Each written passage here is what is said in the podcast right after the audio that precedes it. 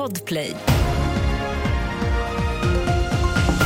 Nyheterna börjar med att regeringen under morgonen presenterade ett nytt stödpaket till Ukraina. Det hittills största stödet innehåller militär utrustning för 7,1 miljarder kronor berättar försvarsminister Pål Jonsson. Genom stödet till Ukraina så investerar vi också i vår egen säkerhet för skulle Ryssland vinna det fruktansvärda kriget så skulle vi få väsentligt större säkerhetsproblem än vad vi har idag. Och det femtonde stödpaketet är utformat specifikt efter Ukrainas behov. Därför innehåller det just då artilleriammunition. Det kommer också innehålla luftvärnssystem som Ukraina behöver väldigt mycket här och nu. Ungerns styrande parti Fidesz vill rösta om Sveriges NATO-ansökan när parlamentet öppnar på måndag. Något som partiets gruppledare bekräftar på sociala medier och landets premiärminister Viktor Orbán har tidigare sagt att man väntas rösta om svenskt NATO-medlemskap när parlamentet öppnar.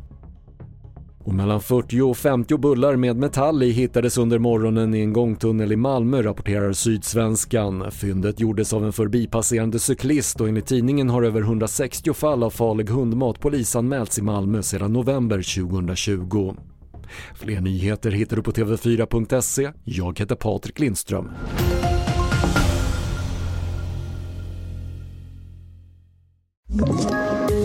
Poddtips från Podplay. I podden Något Kaiko garanterar östgötarna Brutti och jag, Davva, dig en stor dos skratt. Där följer jag pladask för köttätandet igen. Man är lite som en jävla vampyr. Man har fått lite blodsmak och då måste man ha mer. Udda spaningar, fängslande anekdoter och en och annan arg rant. Jag måste ha mitt kaffe på morgonen för annars är jag ingen trevlig människa. Då är du ingen trevlig människa, punkt. Något Kaiko, hör du på Podplay. Därför är gardinerna.